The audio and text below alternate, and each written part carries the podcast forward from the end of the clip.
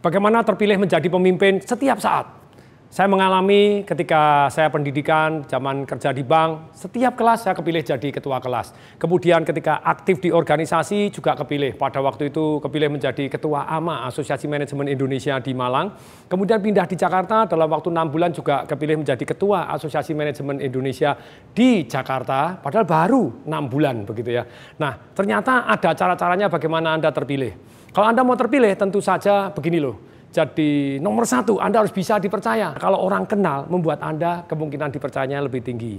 Tapi kalau Anda tidak dikenal Anda susah. Jadi kalau Anda mau jadi pemimpin, Anda berani dikenal, berani tampil, berani usul, berani kelihatan, berani mengenalkan diri, dan tetap bersikap menyenangkan. Pemimpin itu kalau merevolusi kepemimpinan Anda, jadi nomor satu harus bisa dipercaya. No trust, Anda tidak bisa memimpin. Untuk trust, salah satunya trust timbul dari mana? Ada tiga hal. Satu dari reputasi dan referensi. Yang kedua karena kita akrab dan mirip. Yang ketiga karena kita kongruen bulat orang percaya bahwa kita betul-betul membawa kehidupan yang lebih baik bagi mereka. Untuk reputasi dan referensi, ini ada lima hal. Nomor satu adalah yang namanya penampilan. Kalau penampilan Anda jauh lebih bisa dipercaya, membuat Anda kemungkinan diterima oleh mereka jauh lebih tinggi. Itu adalah gelar dan jabatan Anda sebelumnya gitu ya. Kalau Anda sudah mempunyai gelar, saya lulusan MIT, saya lulusan Harvard, orang oh ya saya lebih percaya. Yang ketiga adalah catatan prestasi. Catatan prestasi ini membuat orang lebih percaya daripada orang yang tidak mempunyai catatan prestasi. Apa itu catatan prestasi?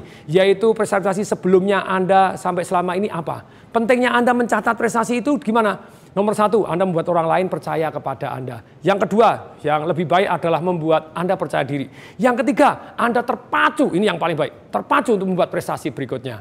Yang keempat, supaya Anda bisa dipercaya, yaitu edifikasi. Apa itu? Ada orang lain ngomong baik tentang Anda. Lebih baik daripada Anda ngomong baik tentang diri sendiri. Jadi biarkan ada tandem Anda kickstart Anda yang menceritakan tentang kebaikan Anda sebelum Anda muncul. Itu jauh lebih dahsyat. Kemudian yang kelima, yaitu terkait dengan something yang bisa dipercaya. Misalnya Anda jualan di bank yang tidak terkenal, misalnya bank EO gitu ya. Susah Anda jualannya. Nah pada waktu itu, tapi Anda kaitkan dengan yang terkenal. Bank EO kami sudah diaudit oleh Price Waterhouse. Nah itu orang akan lebih percaya bank kami berafiliasi dengan Bank of New York, kiriman uangnya lewat New York. Anda akan lebih dipercaya. Nah ini juga demikian juga. Pada saat mulai jadi pembicara, siapa tuh Desa Faringin? Tapi ketika saya katakan dengan Anton Robin, pelatih sukses nomor satu di dunia, tantangannya banyak orang tidak kenal tentang Anton Robin. Apa yang perlu saya lakukan? Yaitu apa? Saya link, saya pasang iklan, saya pasang fotonya. Bill Clinton, Nelson Mandela, Gorbachev, Lady Diana, Andrea Agassi, Michael Jordan, Serena Williams, Donna Karan. Kemudian saya tulis namanya, apa yang sama dengan orang-orang tersebut di atas?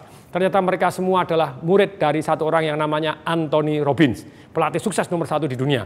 Baru saya pasang foto saya. Tolong disebarin, eksklusif authorized consultant Anthony Robbins di Indonesia. Boom, mendadak saya lebih dipercaya karir saya jadi pembicara jauh lebih melejit, lebih cepat dibanding yang lain gara-gara ada cantolannya pelatih sukses nomor satu di dunia. Ini tadi.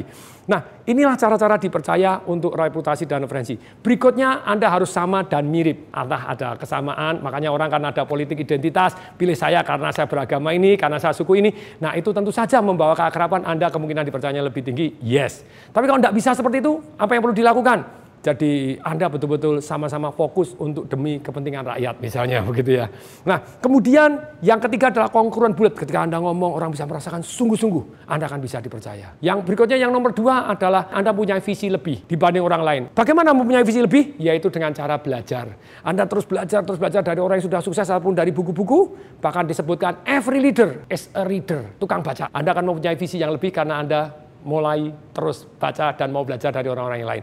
Yang ketiga, Anda mampu mengomunikasikan visi Anda sehingga orang percaya kepada Anda dan mau ngikutin Anda. Terus belajar bagaimana berkomunikasi, terus belajar bagaimana meningkatkan visi Anda, terus bagaimana belajar supaya Anda bisa dipercaya. Tentu saja di mana-mana Anda berani tampil, menunjukkan diri bahwa Anda layak untuk dipercaya, kemungkinan Anda dipilih menjadi pemimpin akan jauh lebih besar daripada tidak melakukan hal-hal yang saya sebut tadi.